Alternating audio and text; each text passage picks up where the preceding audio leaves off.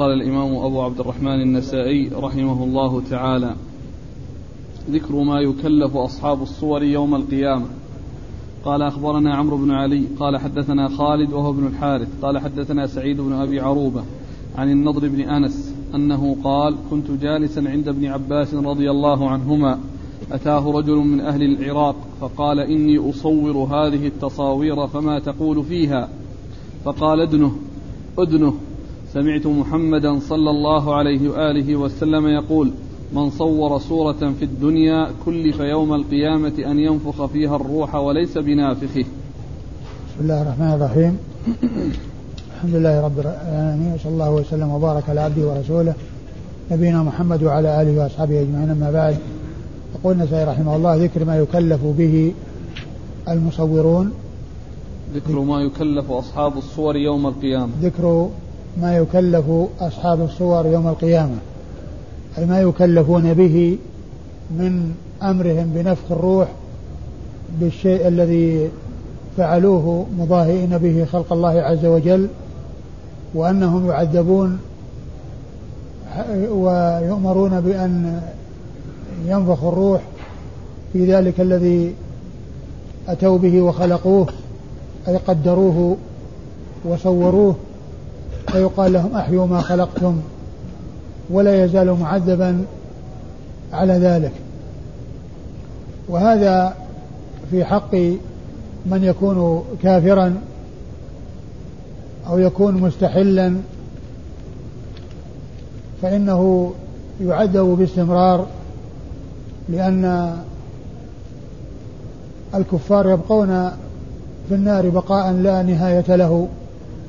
وأما إذا كانوا من العصاة وأهل المعاصي فإن أمرهم إلى الله عز وجل فإن شاء عفى عنهم وإن شاء عذبهم في النار على قدر ذنوبهم ولكنه لا بد في نهاية الأمر من أن يخرجوا من النار ويدخلوا الجنة ولا يبقى في النار للكفار الذين هم أهلها والذين لا سبيل لهم إلى الخروج منها.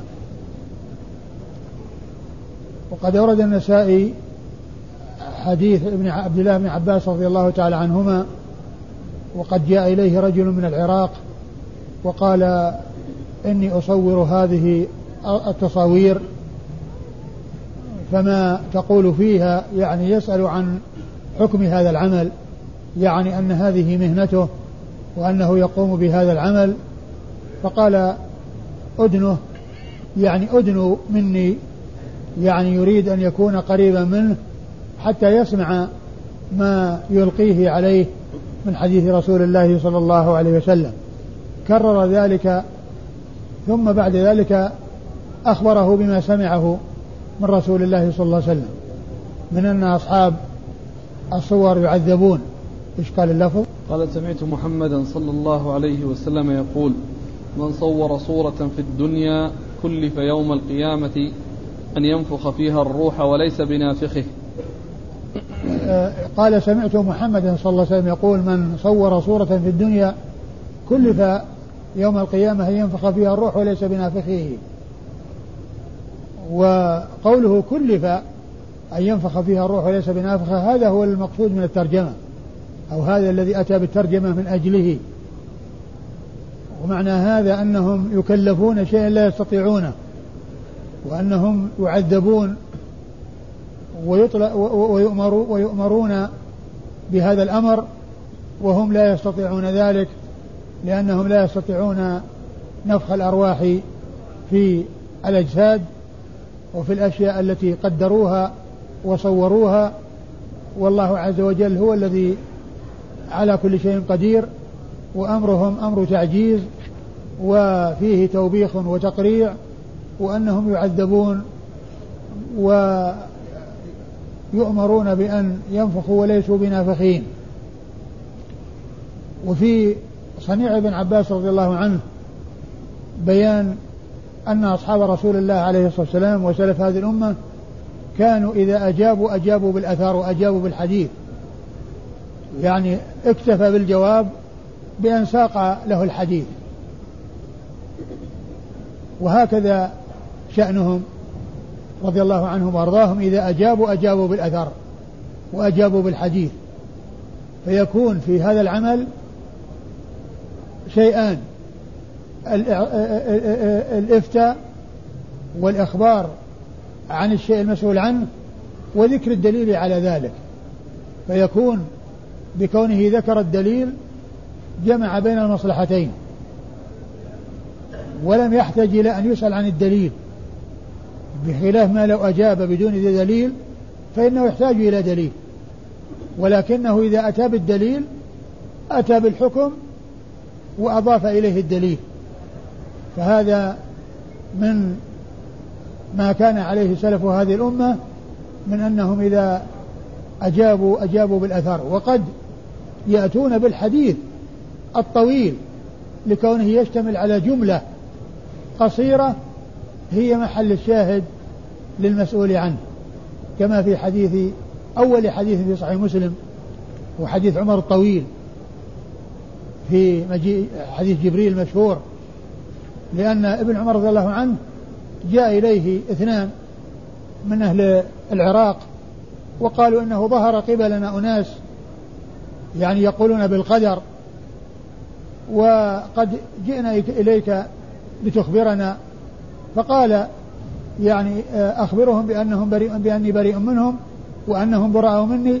سمعت عمر بن الخطاب رضي الله عنه يقول بينما نحن جلوس عند رسول الله.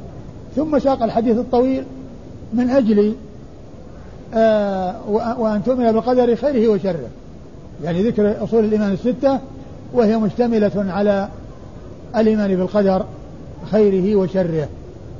فيأتون بالحديث مستدلين به على المسؤول عنه فيكونون بذلك جمعوا بين الجواب عن المسؤول عنه وذكر الدليل على ذلك وقد يأتون بالحديث بطوله من أجل اشتماله على جملة قصيرة هي محل الشاهد وهي موضع الدليل.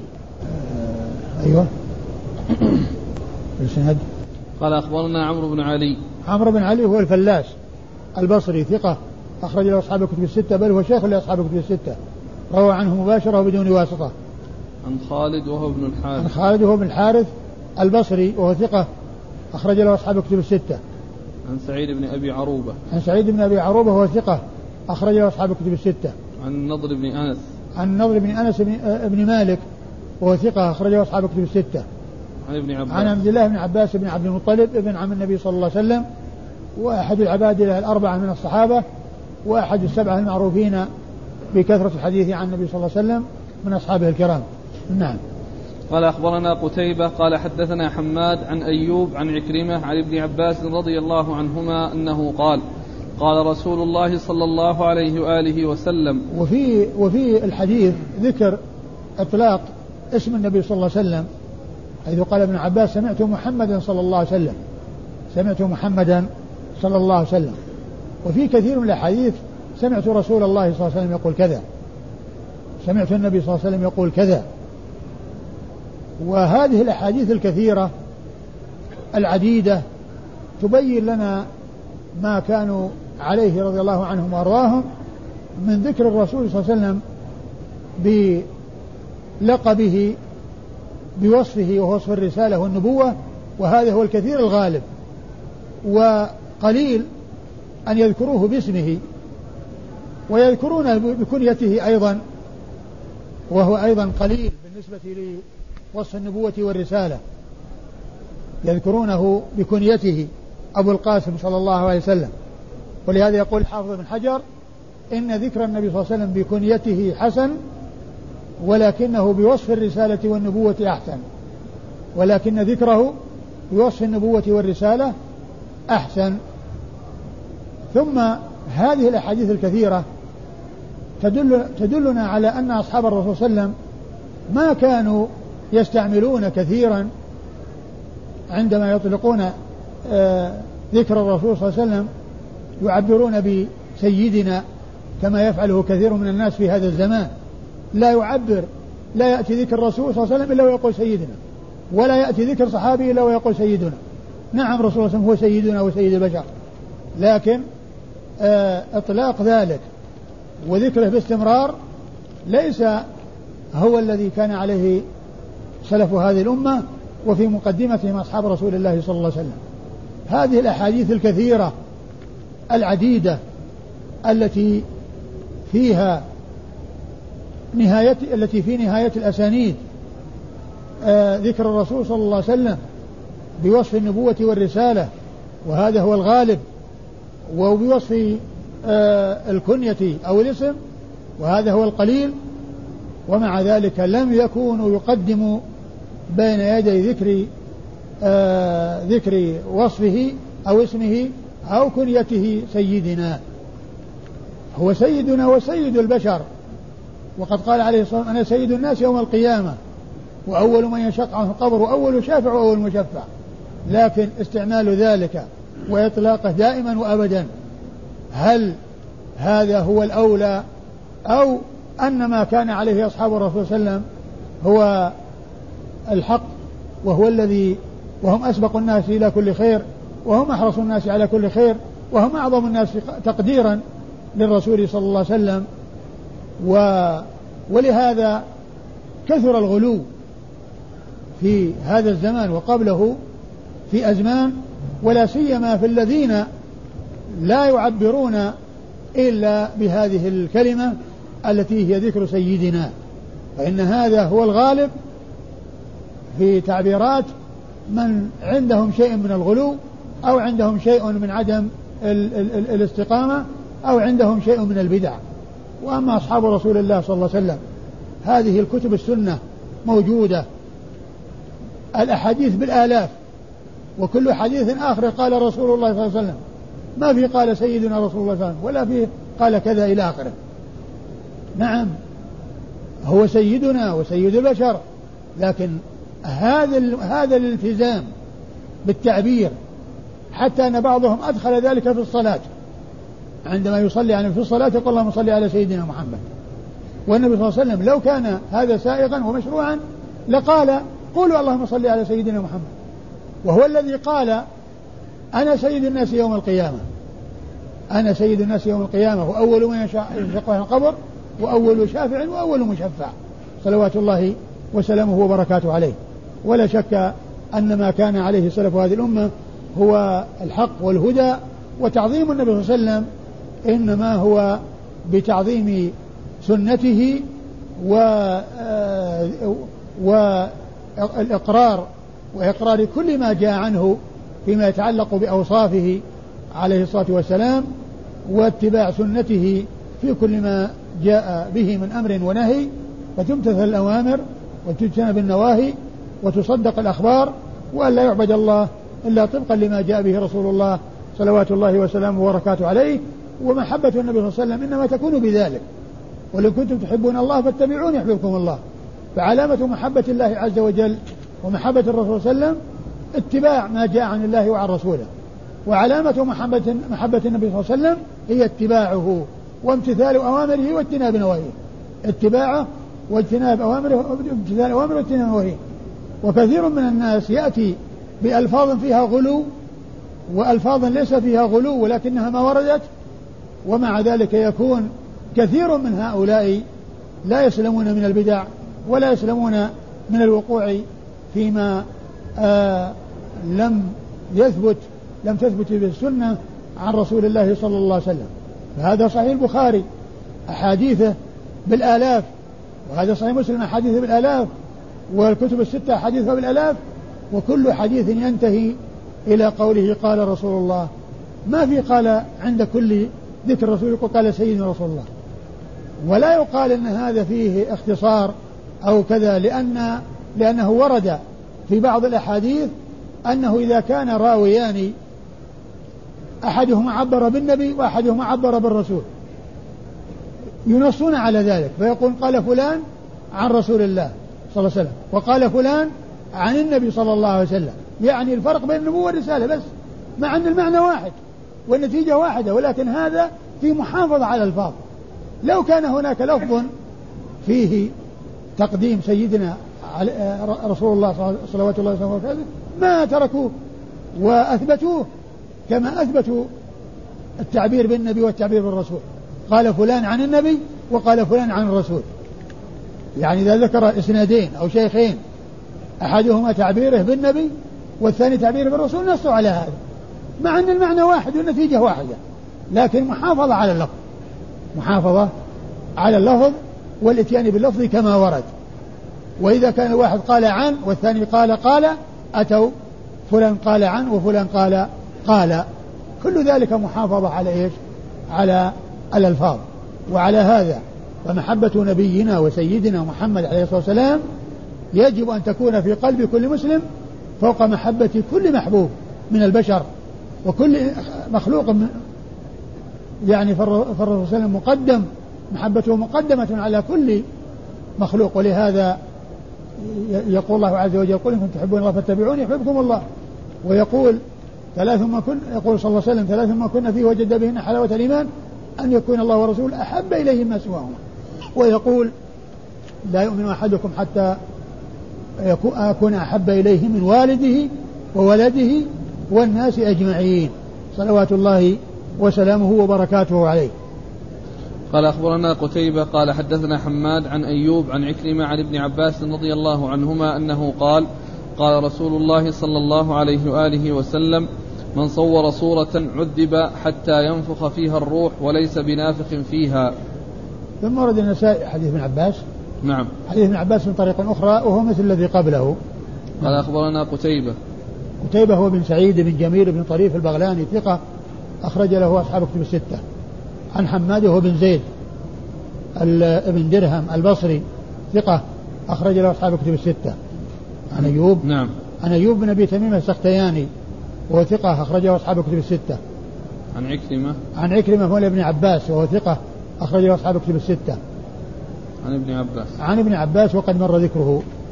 قال أخبرنا عمرو بن علي قال حدثنا عفان قال حدثنا همام عن قتادة عن عكرمة عن أبي هريرة رضي الله عنه أنه قال قال رسول الله صلى الله عليه وآله وسلم من صور صورة كلف يوم القيامة أن ينفخ فيها الروح وليس بنافخ. ابن عباس؟ نعم أبي هريرة. ثم ورد النسائي حديث أبي هريرة وهو مثل حديث ابن عباس. من صور صورة كلف يوم القيامة ينفخ فيها الروح وليس بنافخ. نعم. قال أخبرنا عمرو بن علي. عمرو بن علي هو الفلاس وقد مر ذكره. عن عفان وهو بن مسلم الصفار وهو ثقة أخرج له أصحاب كتب الستة. عن همام وهو بن يحيى ثقة أخرج له أصحاب كتب الستة. ربما وهم. ربما وهم. نعم. ثقة ربما وهم أخرج له أصحاب كتب الستة. عن قتادة. عن قتادة بن دعامة السدوسي البصري ثقة أخرج له أصحاب كتب الستة. عن عكرمة عن أبي هريرة عن عكرمة عن أبي عن عكرمة وقد مر ذكره عن أبي هريرة رضي الله تعالى عنه وهو عبد الرحمن بن صخر الدوسي صاحب رسول الله صلى الله عليه وسلم وأكثر أصحابه حديثا على الإطلاق عنه رضي الله تعالى عنه وأرضاه وصلى الله وسلم وبارك على رسول الله. قال أخبرنا قتيبة قال حدثنا حماد عن أيوب عن نافع عن ابن عمر رضي الله عنهما أن النبي صلى الله عليه وآله وسلم قال إن أصحاب هذه الصور الذين يصنعونها يعذبون يوم القيامة. يقال لهم أحيوا ما خلقتم. ثم ورد النسائي حديث ابن عمر رضي الله عنه قال إن أصحاب هؤلاء الصور الذين يصنعونها يعذبون يوم القيامة. يقال أحيوا ما خلقتم. يعني انفخوا فيه الروح حتى يكون حيا. والمقصود بقوله خلقتم يعني قدرتم لأن الخلق يطلق بمعنى التقدير ويطلق بمعنى الإيجاد. والخلق بمعنى الإيجاد من خصائص الله عز وجل. الله تعالى هو الذي يوجد الشيء والخالق الأشياء والموجد لها من العدم. وأما الخلق فإنهم يعملون يعني آه، الخلق عنده الخلق الذي يضاف إليهم بمعنى التقدير بمعنى أنهم يقدرون ويخططون والشيء الذي آه، آه، يكون المادة التي تكون عندهم يجعلونها على كيفية صور المادة موجودة ولكن فعلهم التخطيط والتصوير والنقش وإيجاد يعني إيجاد الصور الذي هو الذي هو التقدير. وليس بإيجاد المعدوم لأن إيجاد المعدوم الخلق هذا من خصائص الله. وإنما البشر عندهم الخلق بمعنى التقدير. ومنه قول الشاعر ولأنت تفري ما خلقت وبعض القوم يخلق ثم لا يفري. يعني بذلك أن آه، أصلها أن آه، الحذاء الذي يصنع الأحذية عندما يريد أن يصنع الحذاء يأتي بقطعة الجلد ثم يرسم عليها يعني بالقلم صورة قدم. ثم يأتي بالمقص ويقص على هذا الرسم حتى تطلع صورة على هيئة القدم وعلى حجم القدم الذي يريد أن يعني يضع النعل له. فهو يقول يعني بعض الناس إذا عمل التقدير وأراد أنه يقص يعني يظهر قصة يعني معتدل. يعني ما فيه اعوجاج ولا فيه تعاريج ولا فيه يعني آه يعني آه زيادة ولا نقصان. نفس الرسم يأتي به على, وفقه تماما. وبعض الناس يقدر ولكن لا يستطيع أنه يقص بل يعني يدخل ويخرج ويصير ال ال ال يعني ال هذا فيه تعاريج. لأنه ما يعني آه، يأتي به وفقا لما خطط ونظم ولأنت تفري ما خلقت يعني تشق وتقص وفقا لتخطيطك. يعني إذا نفذت وإذا خططت تنفذ الخطة التي يعني آه، تريدها. وبعض القوم يخلق ثم لا يفرق يعني يحسن التقدير ويعمل تخطيط ولكن إذا جاب المقص يعني راح المقص يمين ويسار. وطلع شكل القدم أو شكل النعل الذي يعني يراد هذا يعني غير مستقيم. فالخلق هنا بمعنى التقدير. ومنه قول الحجاج في أهل العراق إنني لا أقول إلا أمضيت ولا أخلق إلا فريت. يعني ما أقدر وأضع خطة إلا وأنفذها يعني وفقا لما قدرت وفقا لما قدرت. ولهذا قال بعض أهل العلم أن قول الله عز فتبارك الله أحسن الخالقين أن المقصود بذلك المقدرين. الله تعالى يقدر وغيره يقدر والله, والله تعالى ليس مثله أحد في التقدير. لكن ليس هناك أحد يخلق مع الله ويوجد المعدوم مع الله فالخلق بمعنى الإيجاد من خصائص الله. وأما الخلق بمعنى التقدير فهو من فعل الله ومن فعل المخلوقين. ولكن يعني فعل الله تعالى يليق به وفعل المخلوقين يليق بهم ولهذا قالوا إن قول تبارك الله أحسن الخالقين المقصود به المقدرين وليس المقصود به الموجدين لأن لا أحد يوجد إلا الله لكن في من يقدر. في من يتصف بالتقدير. والله تعالى يتصف بالتقدير والخلق بمعنى التقدير والمخلوقون يتصفون ولكن ما يضاف إلى الله عز وجل يليق به وما يضاف إلى المخلوق يليق به. قال أحيوا ما خلقتم. يعني ما قدرتم. هم ما أوجدوا شيء من العدم وإنما عملوا كذا تخطيط ورسم ونحت وما إلى ذلك وهم ما أتوا بشيء معدوم وإنما مادة عندهم موجودة أمامهم يعني يشذبون ويقطعون وينقشون ويرسمون وهكذا. نعم. قال أخبرنا قتيبة عن حماد عن أيوب عن نافع عن ابن عمر. آه قتيبة عن عن حماد عن أيوب مر ذكرهم ونافع هو مولى بن عمر وهو ثقة أخرجه أصحاب كل ستة وعبد الله بن عمر هو ابن الخطاب رضي الله تعالى عنهما وهو أحد العبادة الأربعة من أصحاب النبي صلى الله عليه وسلم وهو أيضا أحد السبعة المعروفين بكثرة الحديث عن النبي صلى الله عليه وسلم.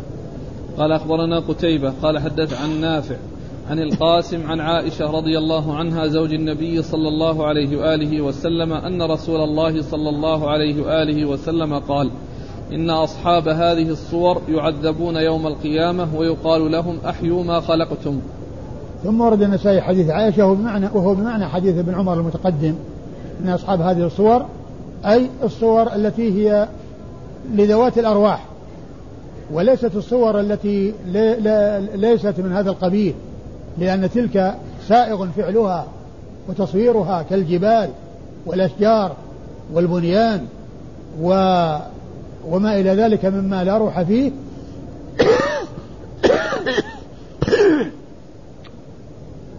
ذلك سائغ ولا بأس به. ولهذا قال أحيوا ما خلقتم. يعني الشيء الذي تكون حياته بالروح الذي تكون حياته بدخول الروح فيه وبنفخ الروح فيه كالإنسان والحيوان والدواب وما إلى ذلك مما تحله الحياة ويكون يعني فيه روح. قال أخبرنا قتيبة عن الليث. قتيبة مر ذكره الليث هو بن سعد المصري ثقة فقيه أخرجه أصحاب كتب الستة. عن نافع عن القاسم عن نافع وقد مر ذكره القاسم بن محمد بن أبي بكر الصديق وهو ثقة فقيه من فقهاء المدينة السبعة في عصر التابعين وحديثه أخرجه أصحاب كتب الستة. عن عائشة أم المؤمنين رضي الله عنها وأرضاها الصديقة بنت الصديق التي حفظ الله بها الكثير من سنة رسول الله صلى الله عليه وسلم وهي واحدة من سبعة أشخاص عرفوا بكثرة الحديث عن النبي صلى الله عليه وسلم. قال أخبرنا قتيبة قال حدثنا أبو عوانة عن سماك عن القاسم بن محمد عن عائشة رضي الله عنها زوج النبي صلى الله عليه وآله وسلم أنها قالت إن أشد الناس عذابا يوم القيامة الذين يضاهون الله في خلقه. انتهى؟ نعم. ثم ورد النسائي حديث عائشة إن أشد الناس عذابا يوم القيامة الذين يضاهون الله في خلقه. يعني الذين آآ آه، آآ يحصل منهم التصوير الذي فيه المضاهاة لخلق الله عز وجل. وقوله إن أشد الناس يعني من أشد الناس عذاب؟ لأن كلمة أشد كما أسلفت في الدرس الماضي إذا جاءت يعني في أمور متعددة أشد الناس عذابا كذا أشد الناس عذابا كذا في نصوص مختلفة المقصود بذلك أن هؤلاء الذين وصفوا بهذا هم من أشد الناس عذاب. يعني كلهم هم في هذا الوصف الذي هو أشد الناس عذاب. لا أنهم هم الذين ليس أحد دونهم لأن لأنه جاء حديث يعني متنوعة متعددة تخبر بأن كذا أشد الناس وكذا أشد الناس وكذا أشد الناس وكذلك مثل ومن أظلم ممن فعل كذا ومن أظلم من فعل كذا. يعني أن آه أنهم مشتركون في هذا الحد وإن كانوا متفاوتين. نعم. قال أخبرنا قتيبة عن أبي عوانة. أبو عوانة هو الوضاح بن عبد الله اليشكري وهو ثقة أخرجه أصحاب كتب الستة. عن سماك. عن سماك بن حرب وهو صدوق أخرج له البخاري تعليقا ومسلم وأصحاب السنن. عن القاسم بن محمد عن عائشة. عن القاسم بن محمد عن عائشة وقد مر ذكرهما. قال رحمه الله تعالى ذكر أشد الناس عذابا. قال أخبرنا أحمد بن حرب قال حدثنا أبو معاوية عن الأعمش عن مسلم. حاء قال وأخبرنا محمد بن يحيى بن محمد قال حدثنا محمد بن الصباح قال حدثنا إسماعيل بن زكريا قال حدثنا حسين بن عبد الرحمن عن مسلم بن صبيح عن مسروق عن عبد الله رضي الله عنه أنه قال قال رسول الله صلى الله عليه وآله وسلم إن من أشد الناس عذابا يوم القيامة المصورون. وقال أحمد المصورين. ثم ورد النسائي هذه الترجمة وهي ذكر أشد الناس عذابا ذكر أشد الناس عذابا. وأورد فيه حديث عبد الله بن مسعود رضي الله عنه وفيه التعبير بمن؟ إن من أشد الناس عذاب. يعني أنهم من الذين هم في هذا هذا الوصف الذي هو الأشدية في العذاب. يعني وكذلك من يكون من هذا الوصف يقال فيه من أشد الناس عذاب. يعني أن هذا الصنف وهذا الصنف وهذا الصنف هم في هذه الحالة أو هذه الهيئة أو هذه الصفة التي هي كونهم أشد الناس عذاب إن من أشد الناس عذابا يوم القيامة المصورين وفي لفظ أحمد المصورون لأن النسائي رحمه الله له شيخان النسائي له شيخان في هذا في هذا الحديث. أولهم أحمد بن حرب الموصلي والثاني محمد بن يحيى بن محمد الحراني وقد ساقه على لفظ محمد اللي هو الشيخ الثاني. ولكن لما كان الشيخ الأول يختلف عنه في التعبير ذكر آه، اختلافه عنه بالتعبير بالنسبة للمصورين. فقوله إن من أشد الناس عذابا يوم القيامة المصورين هذا من حيث الإعراب واضح. المصورين اسم إن ومن أشد الناس عذابا خبر مقدم. ومن علامة أن الاسم يكون منصوبا بعد إن إذا كان الخبر دخل عليه حرف جر فإنه يكون منصوبا ولا بد أن يكون منصوبا. لا بد أن يكون منصوبا.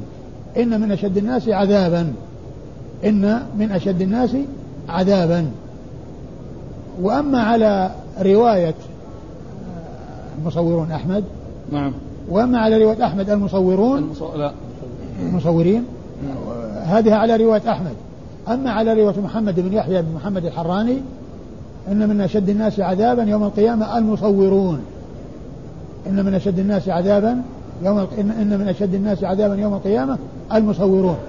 الاسم إن هو ضمير الشان إنه أي إنه من أشد الناس عذابا ومن أشد الناس عذابا يوم القيامة المصورون. مبتدأ وخبر والجملة من المبتدأ والخبر هي خبر إن التي اسمها ضمير الشان. على رواية محمد على رواية, على رواية آه، محمد مصورون المصورون. يعني ال ال يكون ضمير الشان محذوف تقديره إنه أي الشأن من علامة من من أشد الناس عذابا المصورون.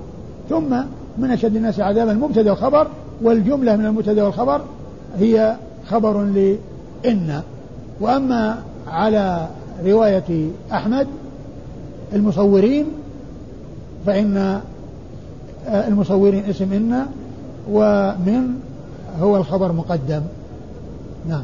قال أخبرنا أحمد بن حرب. أحمد بن حرب الموصلي ثقة. صدوق. صدوق أخرج حديثه النسائي وحده. عن أبي معاوية. عن أبي معاوية محمد بن خازم الضرير الكوفي ثقة أخرجه أصحاب كتب الستة. عن الأعمش. عن الأعمش سليمان بن مهران الكاهلي الكوفي ثقة أخرجه أصحاب كتب الستة. عن مسلم.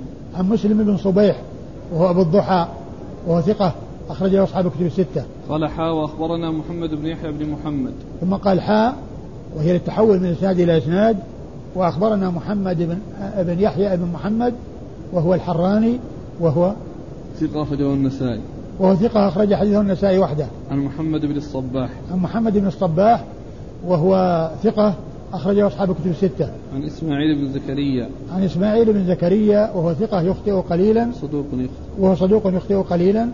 أخرج حديثه أصحاب الكتب. أصحاب الكتب الستة.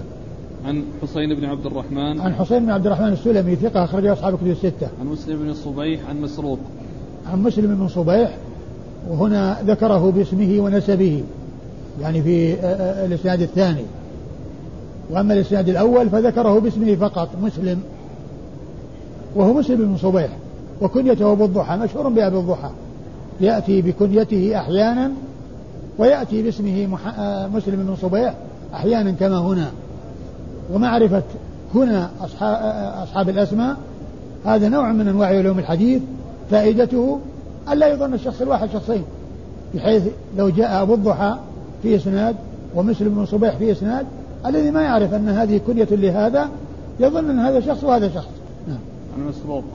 عن مسروق بن الأجدع وهو ثقة أخرجه أصحاب كتب الستة. عن عبد الله.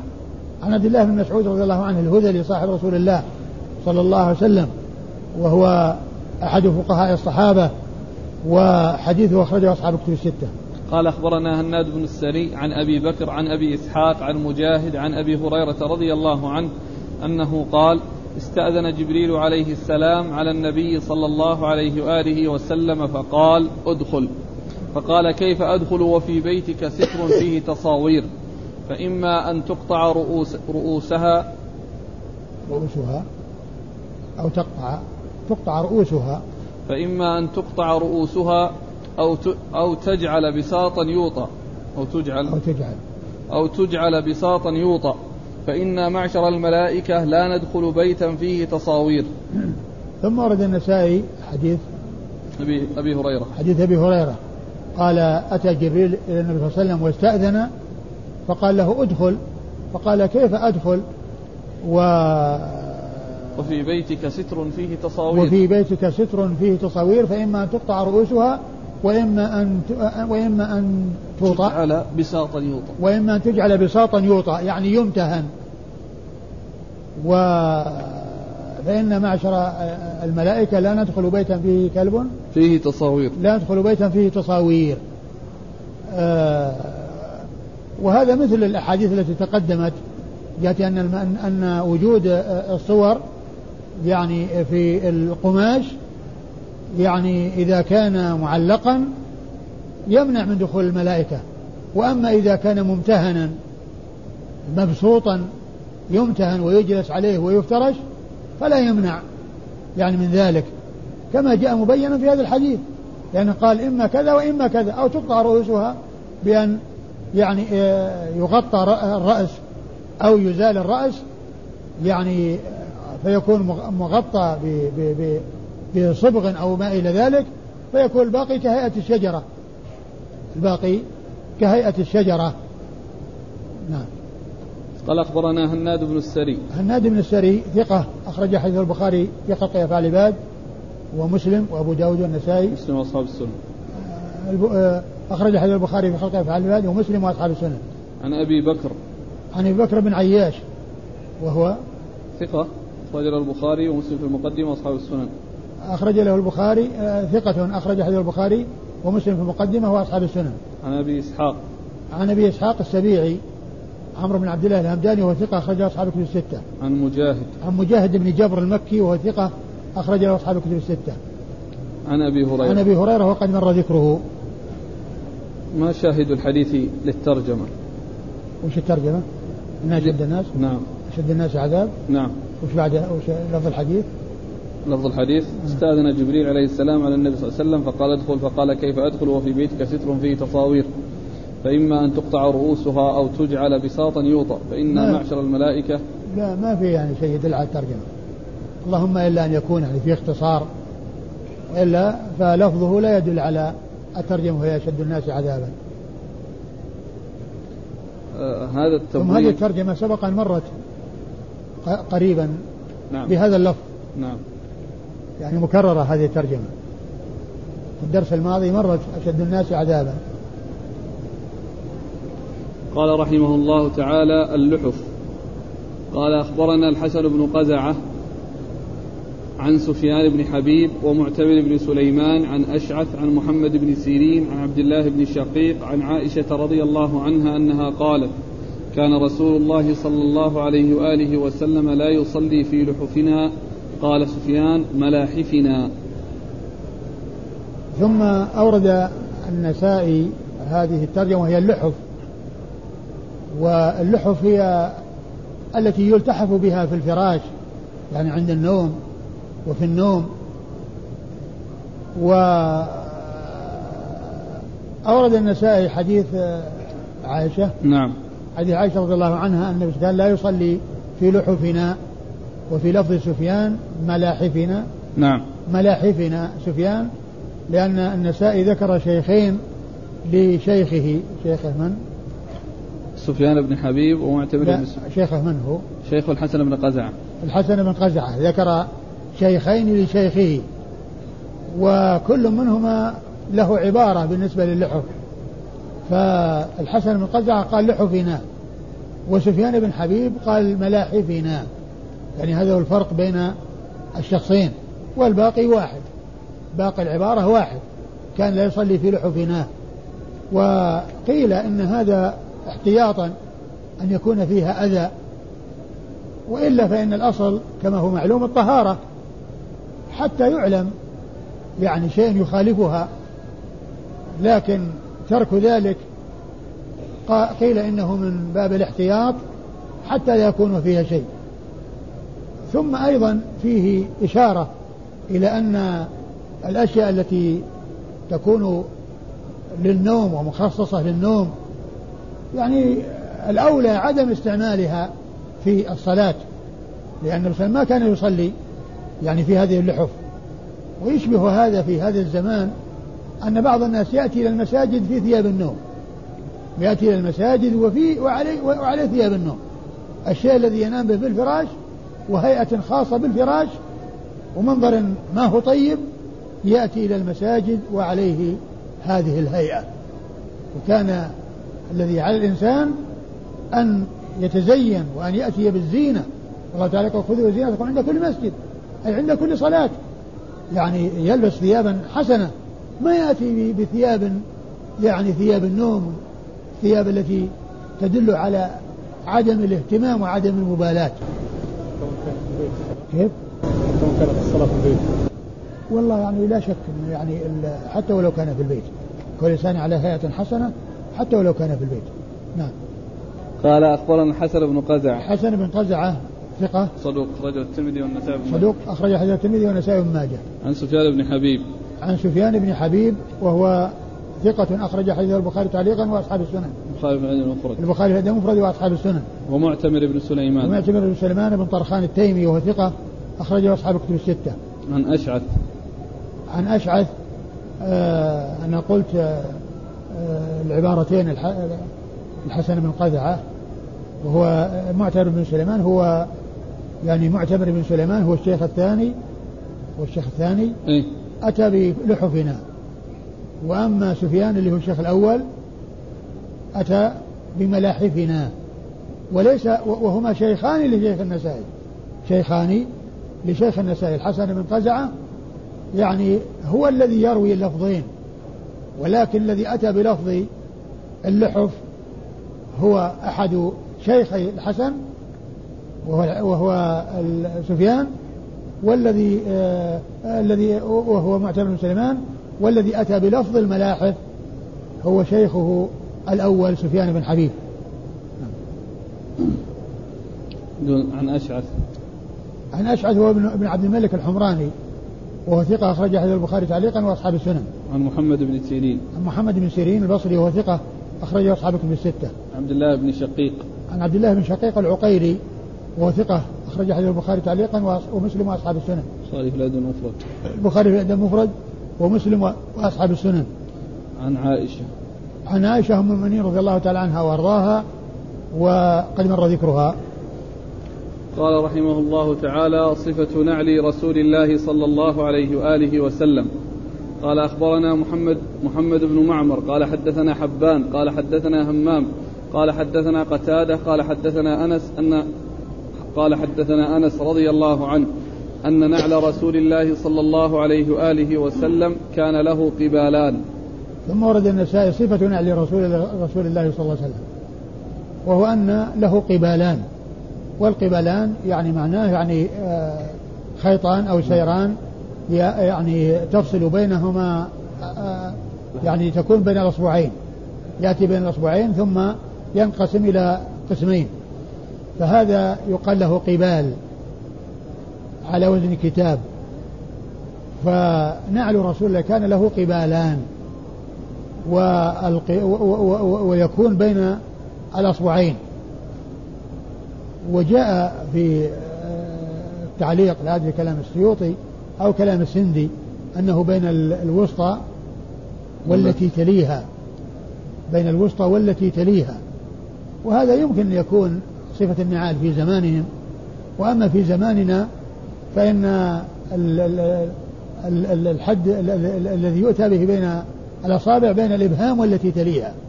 بين الإبهام والتي تليها. هذا هو صفة النعل في هذا الزمان الذي يكون فيه آه يعني دخول شيء بين الأصبعين يعني بين الإبهام والتي تليها.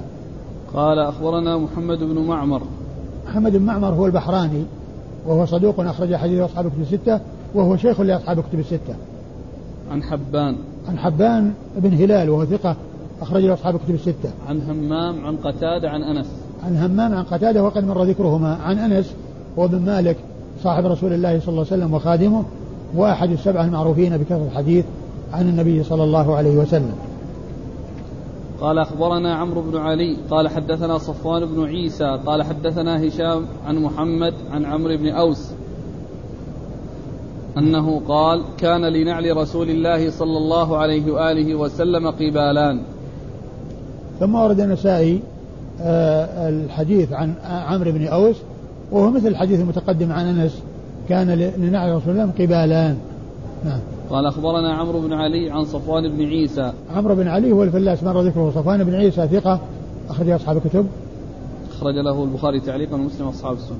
أخرجه البخاري تعليقا ومسلم وأصحاب السنن. عن هشام. عن هشام بن حسان وهو ثقة أخرجه أصحاب الكتب الستة. عن محمد. محمد وهو بن سيرين. وقد مر ذكره عن عمرو بن أوس. عن عمرو بن أوس وهو تابعي كبير أخرج له أصحاب الكتب الستة و... وعلى هذا فهو مرسل. يعني على هذا فإضافته إلى النبي صلى الله عليه وسلم مرسل. يعني معناه أنه يروي عن الصحابة. ولكن كما هو معلوم مر حديث أنس وهو بمعنى حديث أنس الذي هو مسند ومتصل إلى رسول الله صلى الله عليه وسلم. يعني فهذا المرسل يعني الحديث المتقدم يدل على صحة يعني هذا الإسناد وأنه مطابق وأنه آه، متفق مع شيء متصل. نعم. قال رحمه الله تعالى ذكر النهي والله, والله تعالى أعلم وصلى الله وسلم وبارك على عبده ورسوله نبينا محمد وعلى آله وأصحابه أجمعين.